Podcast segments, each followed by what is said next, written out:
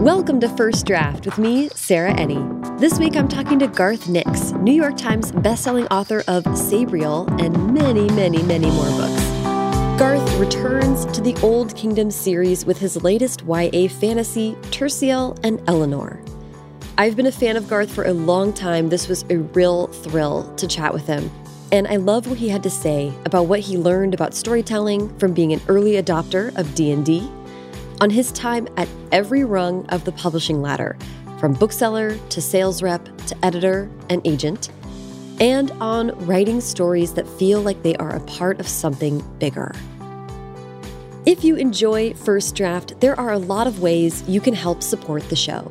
First and foremost, join the First Draft Patreon, where for 5 or $10 a month, you'll get access to an exclusive community forum, monthly video chats with me, if you're listening the day this episode drops on Thursday, the first monthly video chat is happening tonight. We're going to talk about NaNoWriMo and what books we're reading, probably Succession, um, and whatever else comes up. And Patreons also get 15% off all first draft merch, and I'll give you a shout out at the top of an episode, like right now. Thanks to Connie Egan, Maureen Gu, Mackenzie L. Halber Hohen, Bailey, Joe Moldover, Abby Petrie, Lori Morrison, Kylie, Christina Mabin, and Lori Stevens for joining the Patreon and supporting the show. If you want to skip all the hullabaloo and donate directly to the show on a one-time or recurring basis, you can do that at paypal.me slash firstdraftpod or by donating via Venmo. The show is on Venmo at firstdraftpod. The show notes are a tricky, easy way to help support the show. Show notes for this and every episode are packed with great links to everything the guest and I talk about, mostly a lot of great books. If you visit the website, go to the show notes and click on one of the links. It'll take you to bookshop.org. First Draft is an affiliate of bookshop.org, so whenever you buy a book through a link on firstdraftpod.com, part of your purchase goes to support the show, and another part of your purchase goes to support independent bookstores, all at no extra cost to you. And while you're on the website, check out the shop to see all First Draft merch. We've got tote bags, stickers, notebooks, dad hats, sweatshirts, and every purchase directly benefits the show. There are free ways to help out as well. Subscribe to the podcast on whatever app you're using to listen to it now, and leave a rating and review on Apple Podcasts. I love a rating, but I like to read the reviews in the credits. It's so fun. So take the extra minute, leave a review, and then listen for your review to be in the credits after the show. And sign up for the First Draft newsletter to be sure you never miss an episode and hear about news and upcoming events. Okay, now, please sit back, relax, and enjoy my conversation with Garth Nix. So, hi, Garth, how are you doing today? I'm good, thank you, Sarah, and I'm very happy to be on the podcast. Well, I'm so excited to talk today. I'm going to go all the way back to the very beginning. I like to get some bio about um, the writers I talked to. So I like to start with asking about where you were born and raised. Well, I was actually born in Melbourne, which is one of Australia's big cities, but we left before I was one year old and moved to Canberra, the federal capital of Australia, which is kind of like a, a mini Washington, D.C. in a lot of ways, except it, it's a purpose built city, though. It was built from the sort of 1920s onwards, but it has all the sort of apparatus of the federal government and has you know, major cultural institutions and so on in the same way that, that Washington, D.C. does. But it's very small. And in fact, when I grew up there, I think the population was about 200,000 people. Uh, so it's kind of this weird small town feel with all this other stuff bolted on. Um, so I grew up in Canberra. I want to ask about growing up and how reading and writing was a part of your childhood. Yeah, it was a very significant part. Um, I think, as is so common with, with writers, I was very lucky that my parents are both big readers, um, and both big readers of science fiction and fantasy, which is, of course, very influential, though they read very widely and, and always have. Um, so I grew up in a house full of books where books were valued.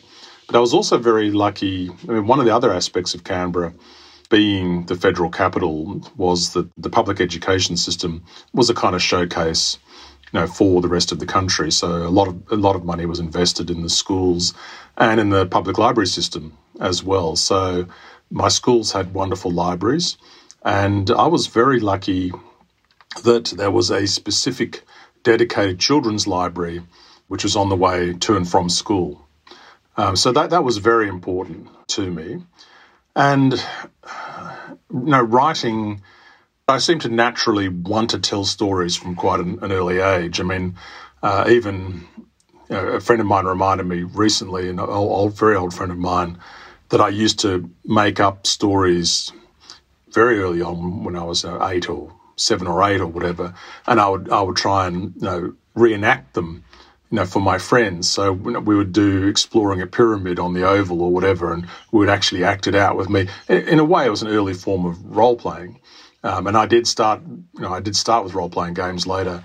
When they were invented, really, um, you know, I started playing Dungeons and Dragons basically the year after it came out in 1975. That was quite a revelation to me. This this interactive storytelling, which is the sort of thing I've been doing in a sort of ad hoc way anyway. So, know, all all of that was was part of you know my upbringing as a writer.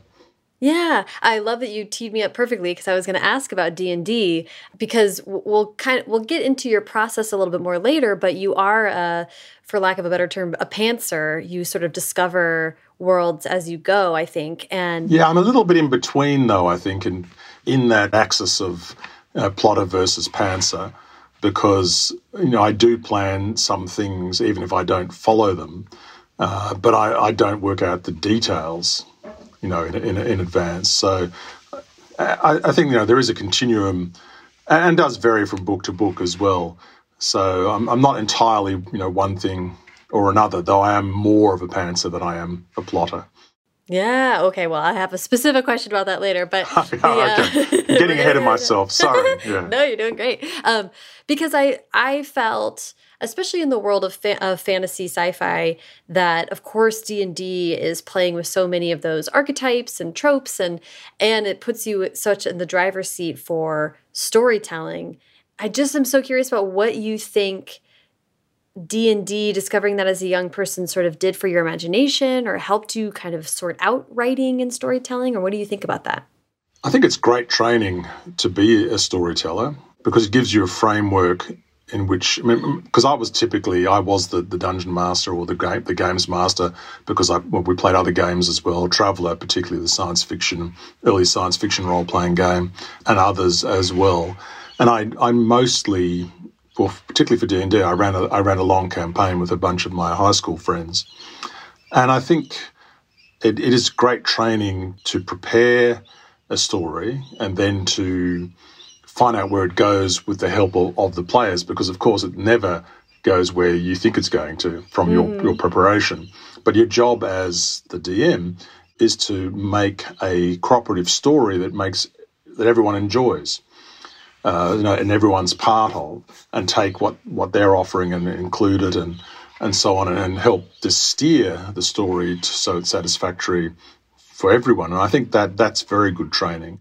I, want to track how you came to take creative writing more seriously, basically, um, because you were working many other jobs as you, I think, were creative writing on on the side. So I'd love for you to talk about your early career, especially as you kind of leaned into the publishing world, and how creative writing was a part of your life in that time. Well, creative writing was always a priority, but it came about. I mean, I, I kind of had a slow epiphany in that after high school, I'd intended to to join the regular army to go to to the military college. Um, so I had to change my plans. When I thought, okay, well, I don't want to do that. What do I want to do? And I didn't really know. So I thought, oh, well, I'll get a job for a while I'll save my money and then I'll go traveling, as many Australians do. And uh, particularly, I think in that era, and still to still to, to this is strong to a degree, there is that connection, particularly to the United Kingdom, because of if you are like me, uh, you know, a white Australian of British descent, there is that connection and interest in that, and in the United Kingdom, and also there's sort of it was felt there were greater possibilities there, which was absolutely true. Really, for the generation before me, where people had to had to go to England to to further all kinds of careers, particularly creative ones, because Australia was just too small Uh, and there, there, wasn't there was no very little publishing here, for example, and so on. That that had changed and changed a lot, but I, it still was a place that was held up as a, a, place of greater possibility. And it was also very interesting to me because of growing up reading, I think, children's fantasy and, and science fiction, but particularly now fantasy in the tradition, the English literature tradition of, of you know English literary fantasy and, and English children's fantasy. In many ways, I think growing up reading those books made lots of those places feel very real to me. And I wanted to go and see them. And so I saved my money and then I, I went to the United Kingdom. I bought a car. I accidentally ran to a friend of mine from school, literally walking along the street in London. We bought a car together and we, we, we drove that around. And different times, one of us would take it, and and uh, you know when, when we we're going somewhere else or whatever. And while I was driving around, I started rereading many of my favourite children's books in the places where they were set. Uh, so the Weird of Brisingamen in Cheshire. I went to Alderley Edge and you know, looked at the various locations there. And I did not find, you know, Delve and the Wizard Cadellin. Uh, the, the, Eagle of the Ninth on Hadrian's Wall. I read Dickens in London, uh, Swallows and Amazons in the Lake District, and so on.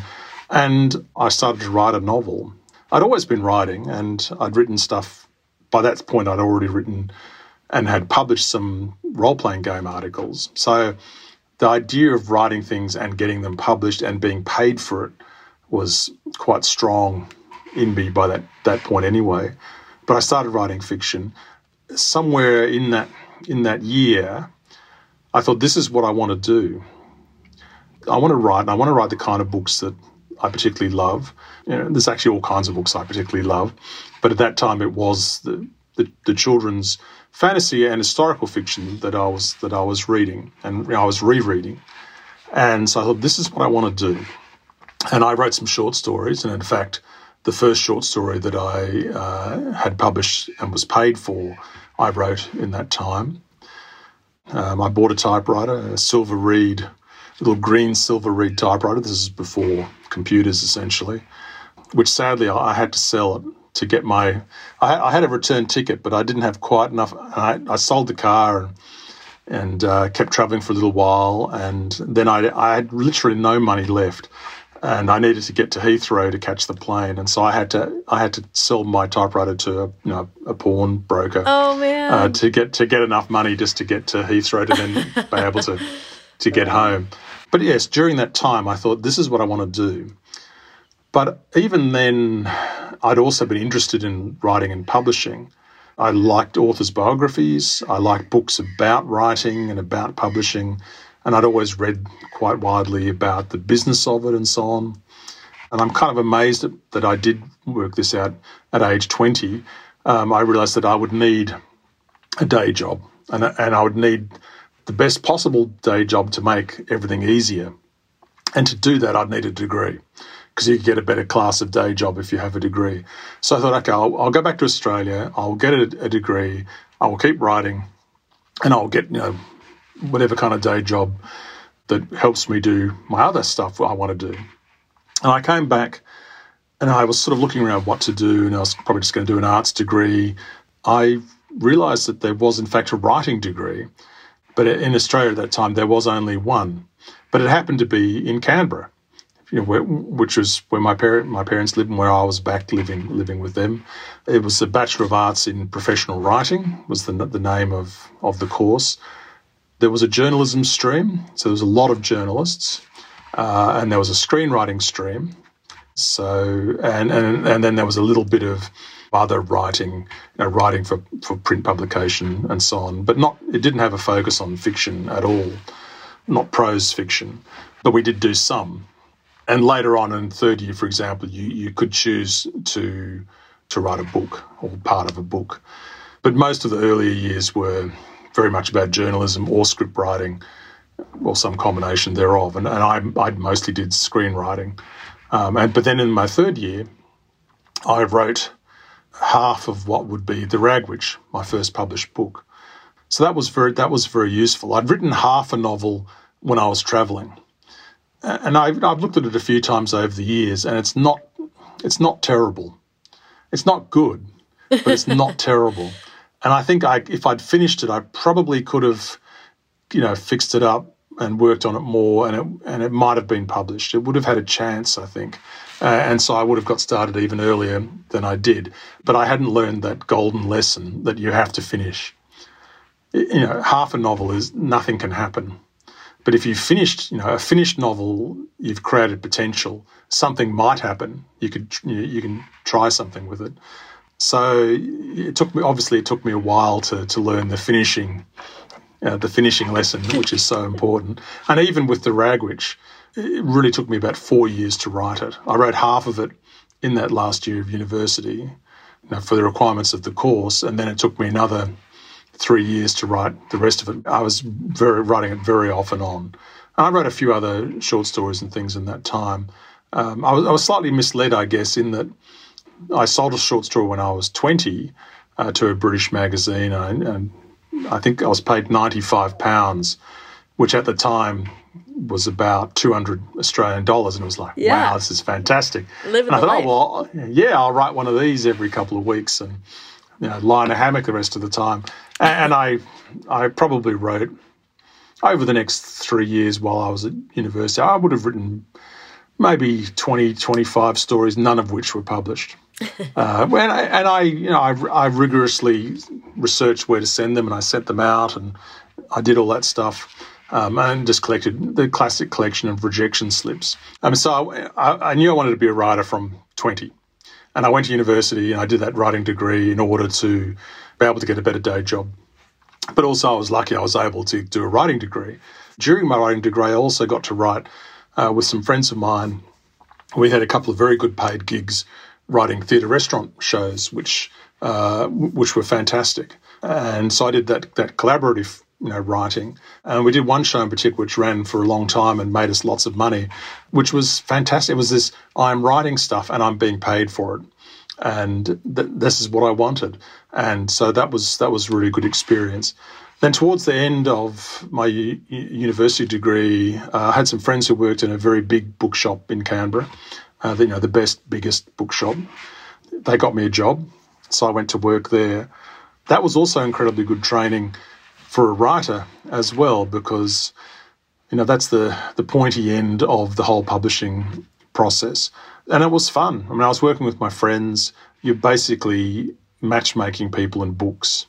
There's obviously tedious parts of it as well, but it was an incredibly useful experience about how people respond to books, how they respond to book covers and packaging, um, and so on, and so the instinctive, the instinctive reactions of people to particular kinds of covers.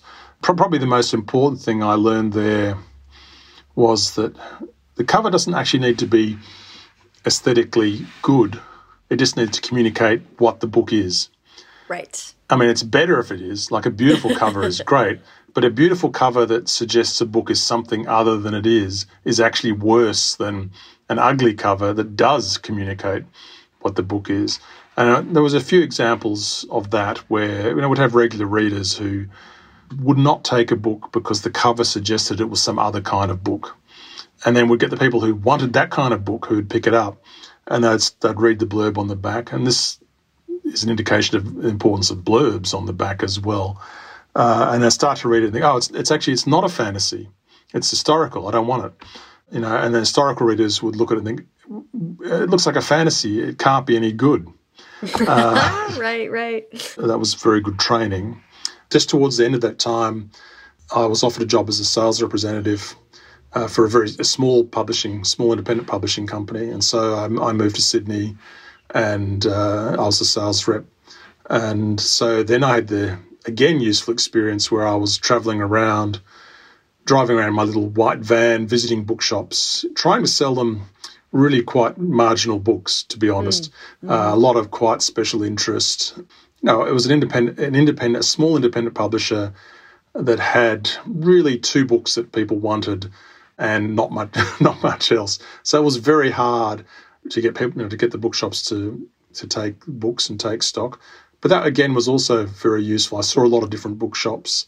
I learned a lot about how, how books are sold and then I moved on from there. I became an editorial assistant, which is I wanted an editorial job. I wanted to be able to use my my writing skills and so on uh, with an academic, a bigger uh, but still independent academic press. Um, and I was there for about three years, and I ended up actually as the publications manager running the whole thing.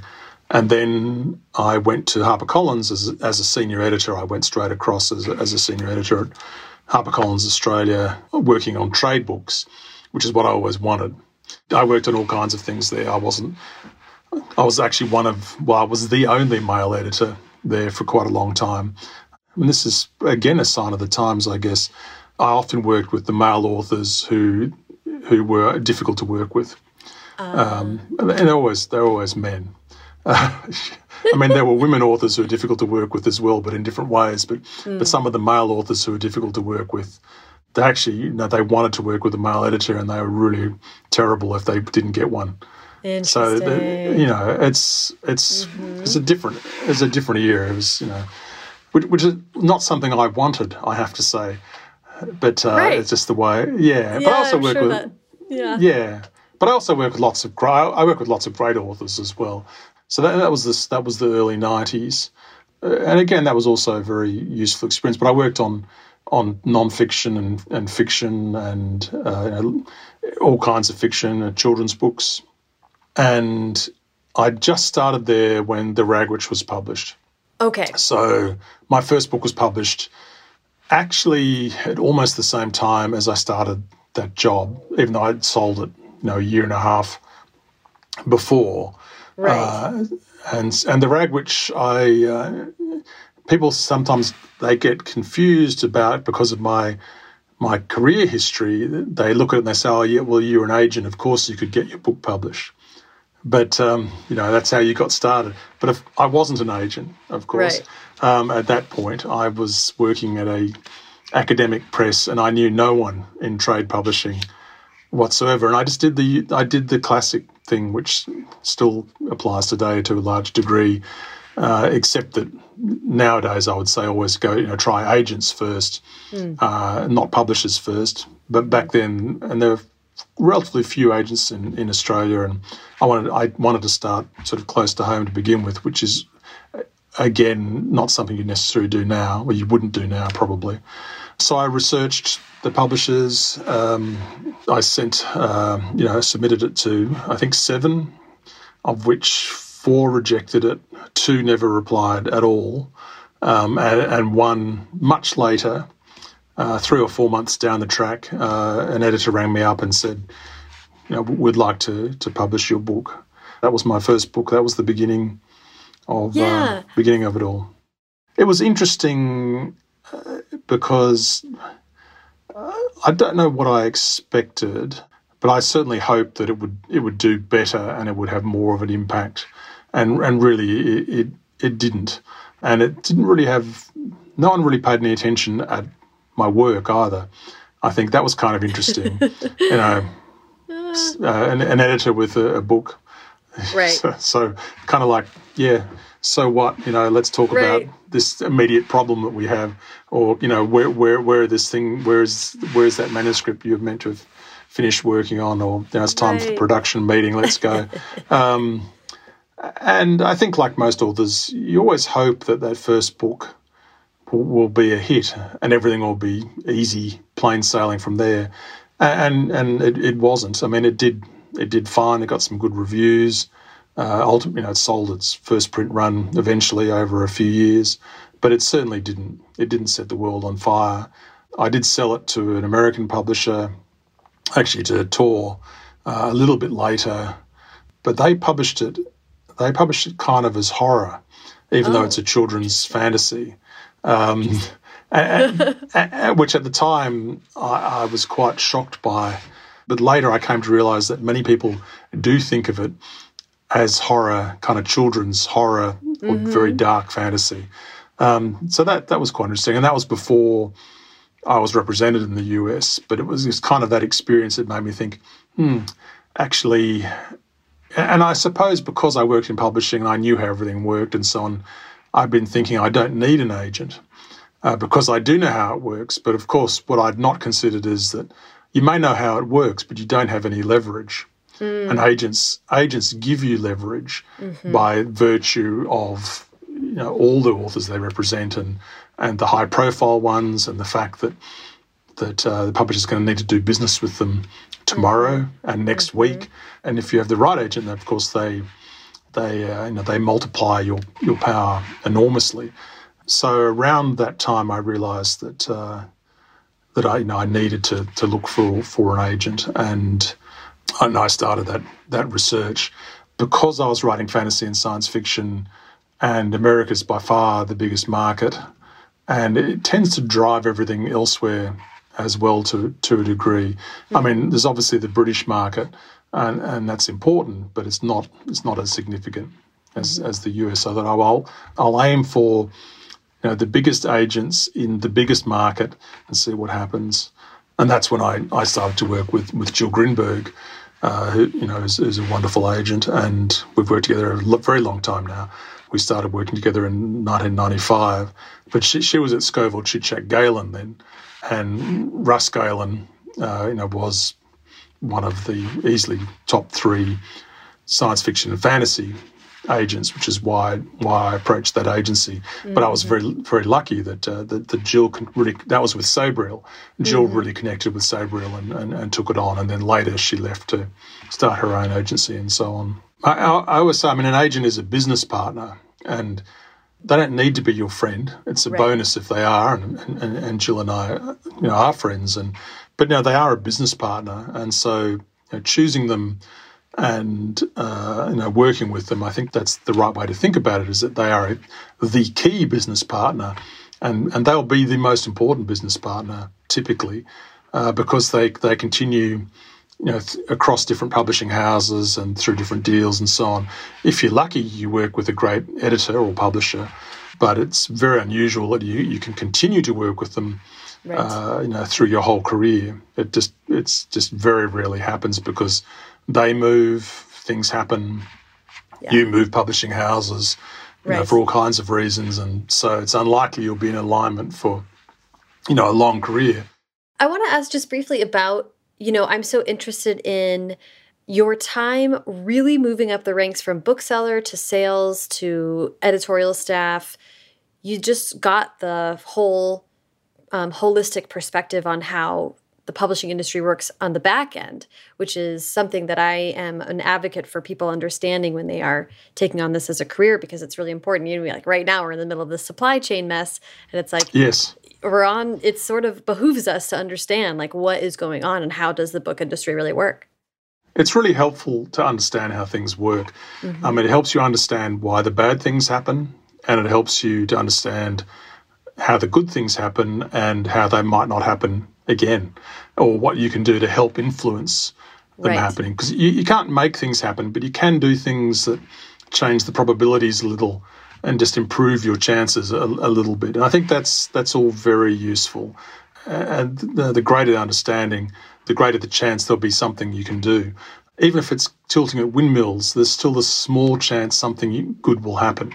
If you don't understand that, you won't be able to take advantage of that, or be philosophical about why right. why something not good has happened, which is better for you long term than than being uh, you know super stressed out about it or overly mournful. Um, right. So yes, un- understanding uh, I think is is good.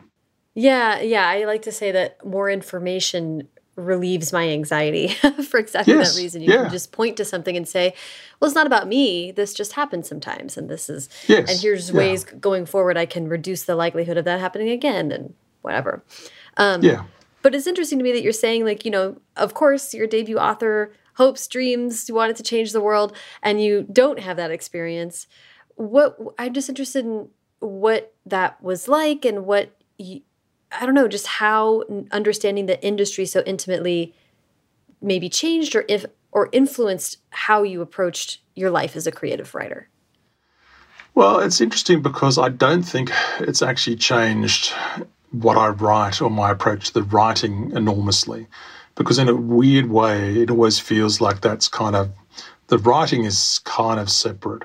And when I'm writing something, I don't think about who's going to read it or how it's going to be marketed or any, any of that stuff. I just think about the story and I try and I basically try and lose my myself in it, I suppose. But that said, you know, when I've finished a manuscript or it's basically finished and I'm still tinkering with it, I do then think about how do I make the best use of this? You know, I apply my business brain, my educated business brain, to think, okay, what what do I do with this now? I mean, often they are in fact already sold to a publisher and so on, but there's still uh, there's still things you can think about in, uh, of how to how to make the most of it and how to market it and how how I can help this book have its best chance of life. Uh, how, how, can I assist it? What can I do? Um, so I do think about it at, at that point. point, and I guess also um, typically I have two or three things I could do next. Um, I have two or three, or sometimes more projects that are in my mind, and they're all pretty strong, and I could I could focus on one or the other of them. And at different times, I've shuffled the order I've done them because one is more commercial than mm. the other. I still invariably I end up writing them. I just might not do them in the order you know that they're foremost in my mind. Though I, I have also occasionally written things which were not what the publishers wanted next, which is a gamble, mm-hmm. but it's been an, an, informed gamble because because of course publishers always want whatever worked last time. Right. So anything anything different is always going to be uh, less appealing, and I completely understand that, and you know from the from the, the others working on the other side, as it were.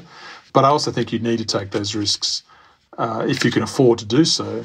You know, as an author, because it's better for you creatively to do different things and not just do the same kind of thing all the time. So right. I guess that's also part of about having educated yourself is that you know the risks you're taking. Right. And of course, there's an element of risk in every every new book because it, it may not work. I mean, I talked about the Ragwitch, which did okay and it was it was fine, but it didn't set the world on fire. But then actually, the book I wrote after the Ragwitch has never been published. I couldn't sell it, so oh. I had my first book published, and then I wrote a I wrote a book called The Clearinghouse, which was a thriller, a contemporary thriller about a manuscript. uh, it was set in a publishing house, and every second chapter was from the manuscript, which was a Regency romance, and this this totally appealed to me. So a book within a book within a book. Right. But every publisher I sent it to said, we like both halves. We like the thriller and we like the Regency romance. We don't believe there are any readers who love both. And I'm like, well, I, I love both. Yeah. There must be there must be more people like me. And this was '93, I guess. No, nobody wanted it, so I'd kind of expected. You know, my first book, I, my first book's been published.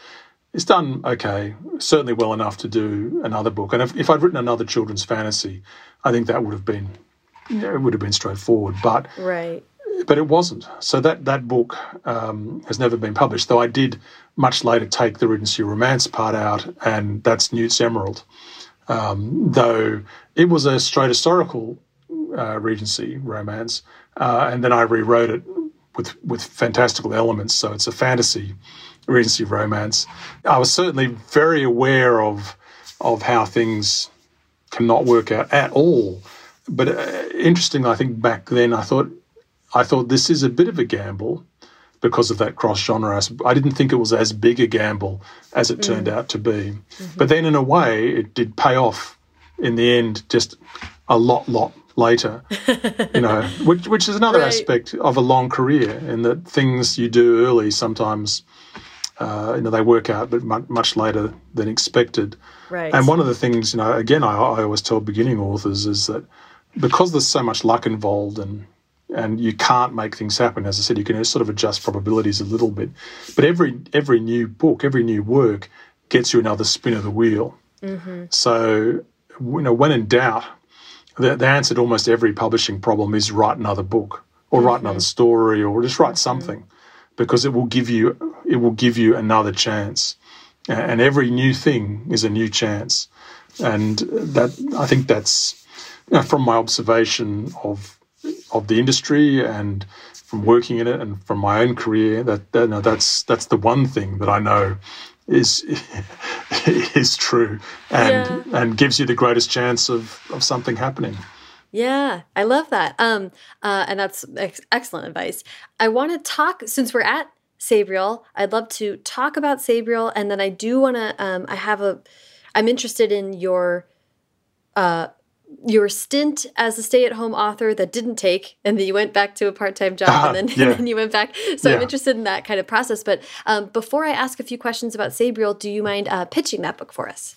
Sabriel is a young woman who is an abhorsen, the people who, who keep make sure the dead stay dead. She uses seven unique bells in her magic to do so. And uh, it's the story about her search for her father and the fight against ancient evil, something like that, you know. I kind of want to talk about Sabriel in how it it because of course you couldn't know it at the time, but Sabriel became this, you know, much beloved book that has a 25th um, anniversary edition that's out now, and it's it's still just really, really. I mean, it's got wikis and people are dressing up as Sabriel, and it's got a lot of love for it. And you've now written six books in this world, so my initial question about about Sabriel, the book that kind of started it all, was I'm interested in how you built that world, and whether at any point you thought oh, I might be here a while. like this might be a place that I return to again and again. An editor friend of mine uh, who has a short story editor who's bought various stories of mine for anthologies over the years said to me once that all my stories feel like they're part of something bigger. Mm. And I wasn't sure whether this was a compliment or a criticism. And he said, no, it's, it's, a compliment because, I mean, obviously in the short stories, you, you try to tell a complete story. Right. Um, but my default does seem to be to try and make it feel as if it's part of more, that there could always be more. It's connected to bigger stories and more mm-hmm. stories. And certainly that's something I like as a reader. I like that perception you have that you're only seeing part of it. There's there is much more here.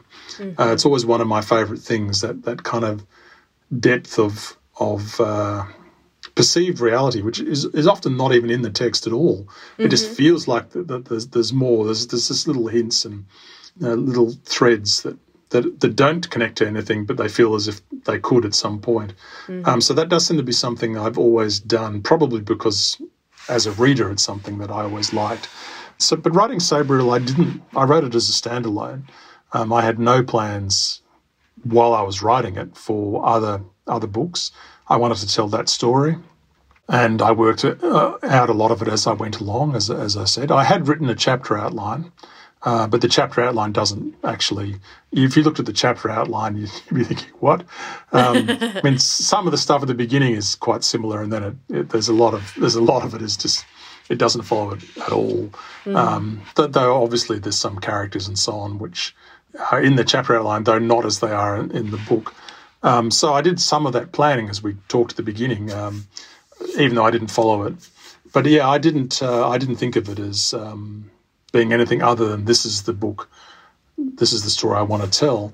And in fact, you know, after I'd written after I'd written Sabriel and I started I started the next book, which was Shade's Children, completely utterly different, uh, dystopian, post-apocalyptic uh, story. Um, and I was beginning to work on that. And then Sabriel came out, and it wasn't actually a massive success at first. It, it, was very well received. It had really, really great reviews, and and it did well, but not not super. No, no, it wasn't a bestseller. But maybe about six months after publication, enough was clear that you know my publisher said we want more of those. You know, and, and I said, well, sorry, I'm I'm writing my next book is this grim uh, you know, post-apocalyptic uh, you dystopian novel, which you know, to, to their credit um, of my various publishers, they were all they all said, okay, that's fine. Uh, but that, but certainly even at that point, there was a we would like more of these, please. And I didn't have a story in mind, so I didn't I didn't want to go to go back to it. But of course, once someone says we'd like more, you know, are there more stories? And as soon as someone says, "Are there more stories?" I start thinking, "Well, yeah, I guess there are more stories." And and then it was a matter of what story I wanted to tell. But even then, I didn't do the kind of obvious thing, uh, particularly in strictly commercial terms, the cleverest thing would have been to to write a story with another story with Sabriel. Right. Uh, would be to actually continue that her story immediately, but I didn't want to do that, and I actually looking back, I don't know why. Um, except that I, except that in the interim, I'd already started to think about Lirael's story, mm-hmm. which is uh, kind of the next generation. Mm-hmm. Um, and so by the time Shade's Children was done, and I was beginning to work on that, I was already okay. This is going to be the next story. And and again, to their credit, my editors were like, okay, well, it's you know, it is the, and, and this was quite some time later because I also did the seventh, I did the Seventh Tower books for mm-hmm. Scholastic uh, in, in, between, and I was writing Lirael slowly at the same time. Um, but it, it, was the strong, it was the strongest story in my head. Mm-hmm. So I, again, I suppose I knew that this is a little bit, this is more of a risk in sort of career and commercial terms than a straight follow up. But I've always believed, even back then and now, I believe that that actually writing the story you most want to tell over the long term is actually the best recipe for success. Mm-hmm. It may not be in the short term, and often it isn't, uh, but I, I, think in the long term, you know, it generally gives you the best chance of, of things working out. But of course, it is a chance, so things right. may not, you know, may, may not go your way. Um, right. But but they did. Uh, you know, luckily. Uh, and the other thing with Lirael was that I actually wrote Lirael and Abhorsen as one giant book. Right. Um, so that was another problem I created for myself. And when I delivered it, my editor said, um, I actually think this is two books because it's very big. And also, there's parts of it, uh, the story's not told. You know, I sort of just recap bits of it and said, I would love if there was more of Lirael's earlier story because I actually came into it know, later. Mm. Um, and so, after my, the usual sort of reaction to editorial criticism, which is, ah, know, I can't believe this, um, and which I know never to never to respond to. Put in an email, it, yeah. yeah, you just think about it for a while. Yeah. And I thought about it for a while, and and I thought uh, she, she's right. That was, that was Ginee Seo, and I thought, yep, she's she's absolutely right. Uh, you know, unfortunately, back to the drawing board, and it really right. was another year another year of work uh, where I, I, split it in two, and I actually expanded and revised both both halves, uh, which was a better ended up with a better end product. So you know, in a way, the trilogy is really a standalone, and then a dual you know a duology sequel. Interesting. So yeah. yeah. That's so funny, and you kind of gave yourself the gift of two book, two books. well, yeah, well, kind of, yeah. um, though, though at the time I was like, and I actually think the combined, that original combined book was was good, but the the two as they were expanded are actually a lot better. So, I mean, and that's a good example of of a of an incisive editor mm-hmm. uh, being also prepared to take a risk because she could have just taken that book and it would have filled the slot that was already there, you know, right. for it, and all would have been well. But um, all would have been, you know, well to a certain degree. But she thought you could do even better if we did this work. Mm-hmm. Um, and, and that that is actually something that's also very very valuable because you know, editors have a lot of pressures on them, mm. uh, and you know, she, yeah, she could easily have just taken it and published it, and and who knows what would have what would have been the end result. Right. Just briefly, I want to ask about the the decision or the the way that the world sort of unfolded for you. It sounds like of the Old Kingdom is that women occupy a position of power and are in are protagonists, and you know, in the really really old school classical high fantasy that doesn't always happen. There's not always female characters, and when they are there, they don't always get to, to have as much autonomy as Sabriel and many of your other characters do. So I was just interested in whether that just came about naturally or how you thought about that. I mean, at some point you have to sort of think about how you're positioning these people in your characters. So I'm just I'm just interested in in your thoughts on that. It's an interesting question because I'm not really sure myself. I mean, some of it was just subconscious. I wrote the prologue first, which is often I often write a kind of proof of concept piece, mm. which occasionally ends up being the prologue or the first chapter, or sometimes some other part of the book. Sometimes it doesn't actually end up in the book at all, but it helps me work out the tone and sometimes the character and so on. So I wrote the prologue not really knowing much what what I was going to do, and I knew that I wanted a this anti sort of necromancer idea, someone who made the dead stay dead.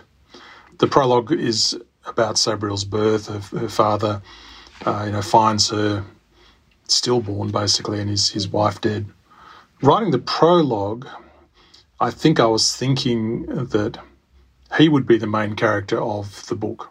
Mm-hmm. The book would be about him. He just, you know, he just lost his his wife and his child. He's just brought back from from death, despite the fact that he's he's not meant to do that, because he should make things dead, not bring them back to life. But then she wasn't really dead. But in the course of writing the prologue, I thought actually she's more interesting. The baby, mm. you know, is who will grow up to be a young woman, is more interesting. And I also thought oh well that would also that would be good because I can write a, a, an adventure fantasy with a young woman protagonist and there's not that many of them mm-hmm. and there should be more and I was deliberately thinking okay I do want to work against stereotypes but I love fantasy and I love I actually love many of the archetypes and tropes mm-hmm. but it's also good to try and and turn against them so uh, I wanted to, to, work against the necromancer trope, which they're always evil and they're mm-hmm. raising the dead for evil purposes. So I wanted to turn that around. And so writing that prologue helped me work out that the, the story I wanted to tell would be, you know, sort of reversing those those stereotypes. And it would be, and yes, she is just more interesting. But mm-hmm. I think subconsciously I was probably probably influenced. I mean, I, I, was writing Sabriel while I was at HarperCollins. Mm. Uh, all the other editors were women. Uh, my my boss was was a woman who who uh, was a great publishing director who I admired. In fact, all the all the best people I worked with were women.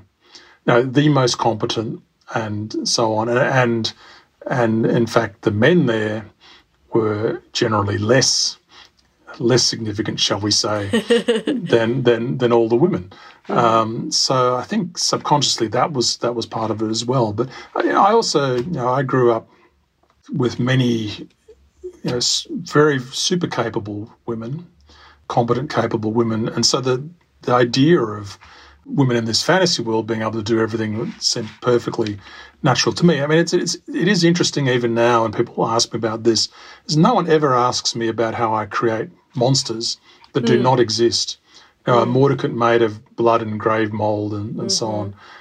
But they do ask me how I write women characters when women characters all around to be observed in real life. Mm-hmm. It's kind of surprising sometimes that people could read a book and say, "Oh, a woman can't couldn't do that." That that that to me is absolute rubbish.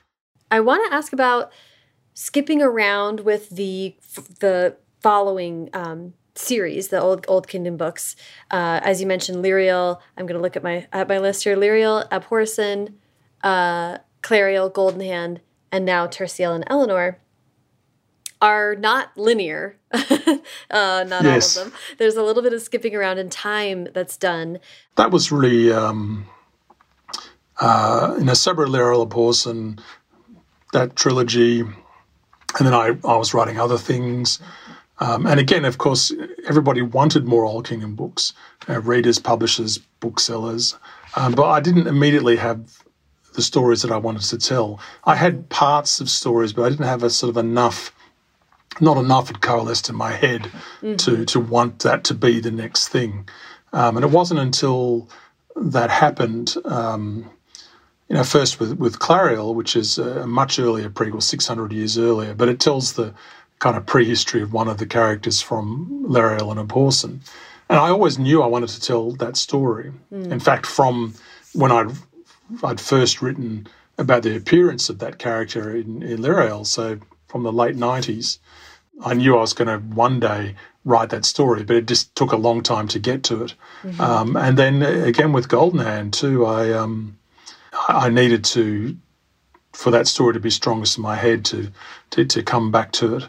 Um, and, and, and also with Terciel and Elinor, which is the story of Sabriel's parents. Mm-hmm. Uh, I knew I wanted to tell that story too, probably from when I first wrote Sabriel. Wow. Uh, because Sabriel's you know, mother, who is Elinor, uh, appears at the beginning of Sabriel, but she's dead. She's mm-hmm. just died. But I've always thought, what is her story? You know, how do you get to be a you know relatively young woman on a hillside, you know, dying in, in childbirth? You know, mm. What? How did she get here? And I didn't need to tell that story in Sabriel, but I always wondered myself. Mm. And over time, bits and pieces built up until I thought, actually, I, I can tell her her story now and Terciel's story. And uh, he he's in Sabriel, of course, mm-hmm. but not very much. He's a distant figure for most of it. He's a distant quite stern father who has, uh, you know, probably more fears than hopes for Sabriel, mm. which has shaped his relationship with her and what he is. And I thought, well, how, how did he get to be to that place where he is the Abhorsen who lays the dead to rest? He is also a father, but being the Abhorsen is the thing that that unfortunately has had to come first mm. uh, for him for his whole life, basically. His whole life has been dedicated to this this essential public service, as mm-hmm. it were. Mm-hmm. Um, and I wanted to know, and what was he like before that, and when you know when did he start, and and, and so th- those things you know, came together. But uh, it's yeah, it was just a matter of enough of the bits and pieces being in my head to to begin the story.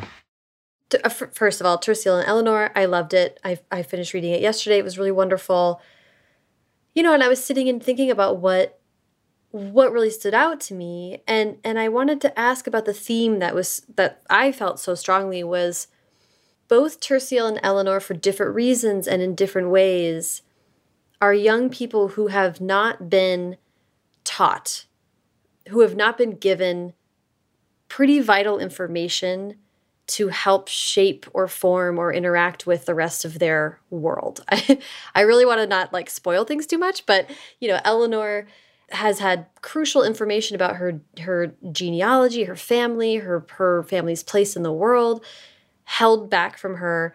And Terciel is an orphan who is being taught, you know, who is just taking on the scope of becoming an Abhorsen. So there's so much to learn that he's sort of scrambling to catch up, but may not have um, I don't I, I don't want to spoil, but it's a struggle against time to get all that information. And it just felt so poignant and intense to have these two young people be thrust into the world when they just weren't given tools to prepare them for it and they kind of have to scramble and make do the best they can. Was that that to me stood stood out and made me really feel for those characters. I'm just interested in what you think about that I think that's a that's certainly a fair reading of it. I mean, I think you know Terciel has been intensively educated in a very narrow way. right. He's he's kind of like learned. He's been having a trade education where he's right. only learning one thing, and there's an enormous amount to learn, but everything is focused on that, and so there's he's not had an opportunity to to learn anything else really, or or to really had much social interaction with with other people mm-hmm. apart from the job, mm-hmm. as it were. And the nature of that job is also alienating. So that's true. And and Elinor has kind of self educated herself to the best of her ability, but with very limited resources. Mm-hmm. Um, so that's certainly part of it. And they are both young people who have had peculiar educations uh, which are lacking, which are lacking in all kinds of ways, and they've made the best of it. Uh, they, you know, they're both making the best of of, of what, what they've been given. Mm-hmm. I guess, in a way, it's it's a a classic kind of coming of age story for two young people, mm-hmm. uh, where they're working out who they are and and you know what what they want to do in the world and how they can try and do that given the constraints of who they are and where they are and and, and everything else. I mean, the, the sort of realities of the world impinging upon them, though both of them I'm also trying to avoid spoilers. I know um, it's hard. I mean, I mean, I mean, there's there's the the one big spoiler, of course, is implicit from reading Sabriel that right. uh, they both do, to a degree, find a way to live a broader life than they expected. Mm-hmm, mm-hmm. How did you approach writing a book all about two characters of whom we know the end of their story? You know, it's such an interesting challenge as you know your audience is going to come in with a lot of information or more likely is going to come in with a lot of information. How did you think about how to keep somebody engaged in a story that they ultimately kind of actually know what what happens?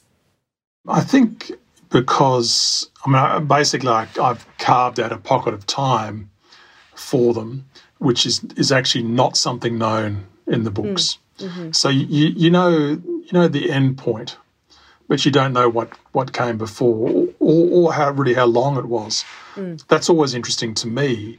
Uh, is is that unknown part of a life? So even if you do know, I mean, I think I think that's fascinating in real life too. I mean, you might meet someone and you work with them for five or six years or whatever, and so you know about them and you know their family and so, mm-hmm. but you, and maybe they've mentioned a few things they did in the ten years previously, and it's you sort of you know, gloss over that or whatever. And then you find out that for those 10 years, they were doing something astonishingly different or amazing. Mm. Uh, that makes that story, that 10 years, really fascinating. And I, that's what I was trying to do, was to, to, to try and find the untold story mm-hmm. of their lives. And I think that I'm always interested in that anyway. I mean, looking at just people in the street thinking, what is their story?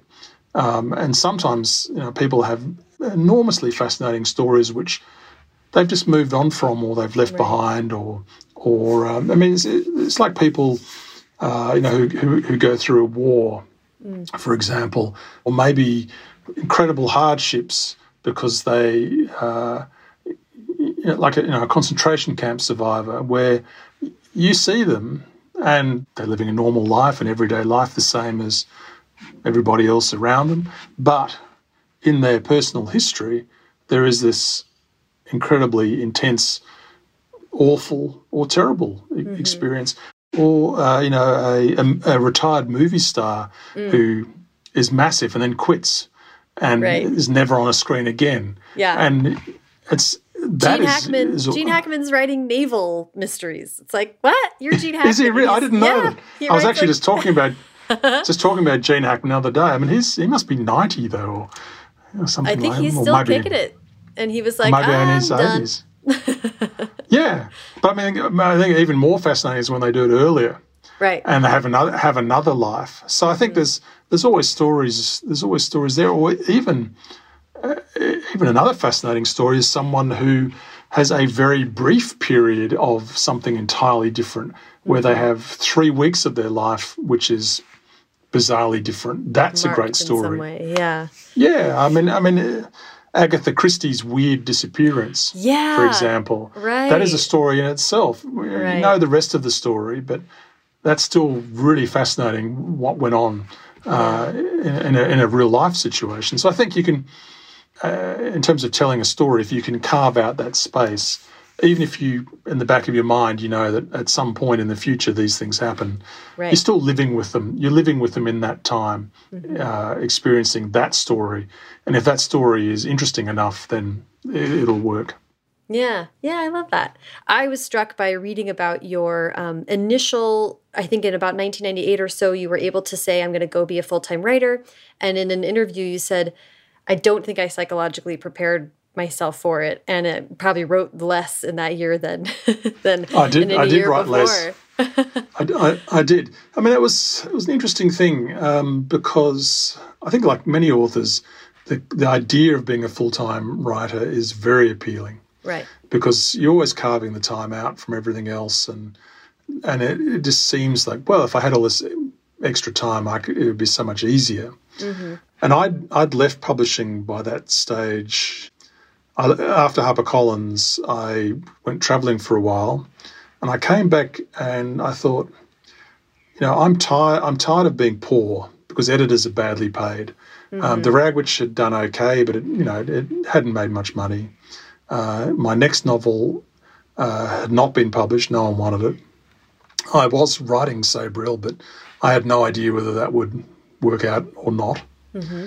Um, and so the, what can I what can I do that uses my skills, but actually I can get just get paid more. Mm-hmm. Uh, so I went looking for various jobs, and uh, I got a, to cut a long story short, I got a, a job as a PR and marketing consultant with a consultancy that worked for technology companies that and, and it was you know dot com boom what we did is we helped american companies basically who are now often very big companies like you know, cisco and so on get started help them establish their australian subsidiaries and do their pr and marketing and it was enormously better paid and it still used a lot of my writing skills um, you know I, I wrote media releases and speeches and brochures and you know, all that sort of stuff, as well as doing, you know, other things.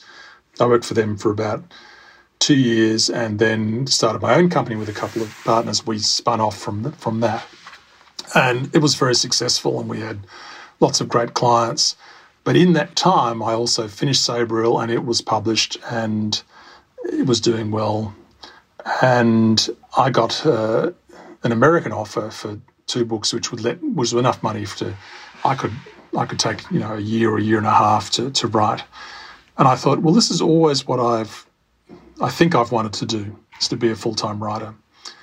And so I said to my partners, I'm going I'm I'm leaving, I'm going to be a full time writer. And the nature of our agreement was that if we walked at that point, which was like in the second year of the company, you just walked away. Mm. So I walked away from that very successful PR company uh, and people, a lot of people thought I was absolutely crazy because uh, it was basically sort of printing money, really. Mm-hmm. Um, but it was also incredibly all consuming, and, and, clients would demand things at all hours and mm-hmm. have to suddenly write something or work out a plan for something. And so I, I had been writing, but it was, you know, it was difficult to do. So I became a full time writer. Uh, it was 1998. Really, the first month I was sort of recovering from right being incredibly busy all the time because I was either working or I was writing just all the time. Uh, and then I thought, well, you know, I'll get, I'll, I'll do a bit, and so I did a little bit of writing, and I thought, oh, well, actually, you know, I can do it tomorrow. I've got plenty of time. Well, this time now. I'll, I'll, oh, next week. I'll, I'll do some more next week. And then about nine months through that year, I realised that I'd done very, very little, and I, I had a book due quite soon. Right. And I thought, gosh, I actually I'd not thought about the practicalities of how I was going to, you know, structure my day and mm-hmm. uh, how I was going to. It was just, oh, I can just. Uh, whereas in the past, I'd always been quite regimented in that I'd, I'd write two nights a week and every Sunday afternoon. Mm-hmm. And that worked with my very busy jobs. And so I thought, oh, I've, I've got to get structure back into my life uh, somehow. And luckily, uh, at that time, a friend of mine who was a good friend of mine who'd been an editor at HarperCollins was now an agent at Curtis Brown, Australia. Curtis Brown was buying another agency, and Fiona asked me to come in and sort of help out with some of the aspects of the agency, the integration of the two agencies. And so mm. I, I, did that. And then she said, "Oh, well, do you, do you want to stay as a part-time agent?" And you know, and I said, "Yeah, I, I would," because I've always I loved that part of the business as well being a bookseller and probably being an agent were my two favorite jobs of all my publishing jobs. And they're both kind of similar in that they're about matching books with people. I mean, a bookseller matches them with the reader, but an agent is, you know, you're finding the right book as a manuscript for a publisher mm-hmm. and, selling it to them. And if, but of course, with an agent, you have the fun of, you know, it's not a fixed price. You're trying to get the best right. deal possible right. you know, for, for your author. Um, so I enjoyed that. And so I, I went to work as a part time agent, and that gave me some structure, which I then built my, my writing around. And, and I, I did that for several years until I, I couldn't balance the 2 mm-hmm. It wasn't really the writing, it was actually the promotional side where uh, you know, being asked to tour you know, in America and the United Kingdom and being, you know, so I, I do like a three week US tour, a three week UK tour and and then three weeks in Australia. I couldn't say to my clients, as an I think you can't say, "I'm sorry, I can't read your manuscript because I'm going on tour for my book." Yeah. To someone who is probably not going on tour, right? Uh, you know, it, it's just it, just can't. Uh, to me, it, it, some agents have managed to be writers and agents. I, I just felt like I couldn't balance the two, even though I loved I love being an agent, and I actually uh, we ended up buying uh, the Australian company from the British parent, um, and I ended up still owning a little bit of the business, which I've, I've continued. Um, which was you know which is fantastic to still have my foot in that sort of door yeah, that's uh, cool. as an emergency if I ever you know if the writing doesn't work out I'll, I'll right. go back to to go back to being an agent but uh, that that did give me structure back or an external structure I guess mm-hmm. which I could then work out how to do this better but it, but it was really because I hadn't even thought about it I hadn't thought how it would work or was oh yes I want to do that and all of a sudden I had all this time. And I didn't have any of the structures that I'd had in the in the past. Mm-hmm. Um, yeah, it was also. I mean, I'd also, you know, I'd, I'd split up with a long term partner and and and so on. And I hadn't at that point then I met my wife. So I think my, my whole life was kind of in the intense, yeah. Well, it's kind of in in the wind. I mean, I just I didn't have to do anything, um, right. and so uh, unfortunately, that that could, sometimes I think having some some structures around you can be very helpful to to writing.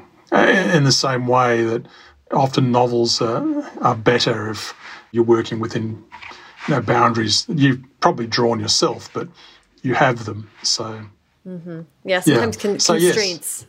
Yes. Yeah, yeah, some constraints are, are useful. So yes, that was my first full time writing experiment. uh, and I, I, did much better the second time uh, when I when I stopped being an agent, and, uh, and, and since then I've basically treated it more as a day job in a way, in that you know I have a separate office, and I well most of the time I go to my separate office uh, and work sort of office hours and I still work at night sometimes, particularly towards the end of a book as the momentum is there mm-hmm. and, and things need finishing. And, you know, I will, I will work on work in the evenings and on weekends and so on. But it was kind of a reversal from, you know, quite a few years, many years really. I, I had a day job and I wrote at night. Mm-hmm. And then I swapped it round. So the day job is, is the writing and, you know, just change that. Yeah. Um, and that works better how has your pandemic been? How has writing been in this in a little topsy turvy? Yeah, well, we had a short lockdown last year, and then really Australia was COVID free for quite right. a long time. I mean, things sort of were pretty much back to normal in Sydney. Mm-hmm. Uh, Melbourne had a much longer initial lockdown. Then, unfortunately, so really from about October last year to about July this year, mm-hmm. things were sort of far more normal than anywhere else in the world, and we'd got on with everything. But then in July we had an, another outbreak here, which you know which was the Delta variant, and so things locked down. So since we've been in lockdown in Sydney since July, it, it's changed things. I mean, I've been working at home in this sort of little music studio shed, uh, not not at my not my office, which is you know some distance away because I I share that with some other people. We have our own rooms, but mm-hmm. uh, with some filmmakers and a photographer and a few other people, and a couple of them needed to continue to work there, and I could work here. So mm-hmm. um, I've uh, so you know, it's it's it's the, the lockdown experience that so many people have had around the world, where you basically just at home I, I think this, the psychological pressure of the whole world, you know, going bad, as it were, mm. uh, has been somewhat deleterious upon both my mental health and my writing. Mm-hmm. I've been more anxious about the world and and you know, the family um, and so on, which I, I do think makes it harder to do creative work. But I've tried to continue continue through that because this is my, this is my job. And of course, I'm very lucky that I can continue to do it. Oh my gosh, I am so appreciative of all of your time today, Garth. Thank you for being so generous. No, it's a pleasure. Absolutely, no problem. Thank you so much to Garth. Follow him on Twitter at Garth Nix, and follow me on both Twitter and Instagram at Sarah Enni and the show at First Draft Pod. First Draft is produced by me, Sarah Enni. Today's episode was produced and sound designed by Callie Wright. The theme music is by Dan Bailey, and the logo was designed by Colin Keith. Thanks to social media director Jennifer Nkosi and transcriptionist at large, Julie Anderson. And as ever, thanks to you, Blood Engraved Mordicants, for listening.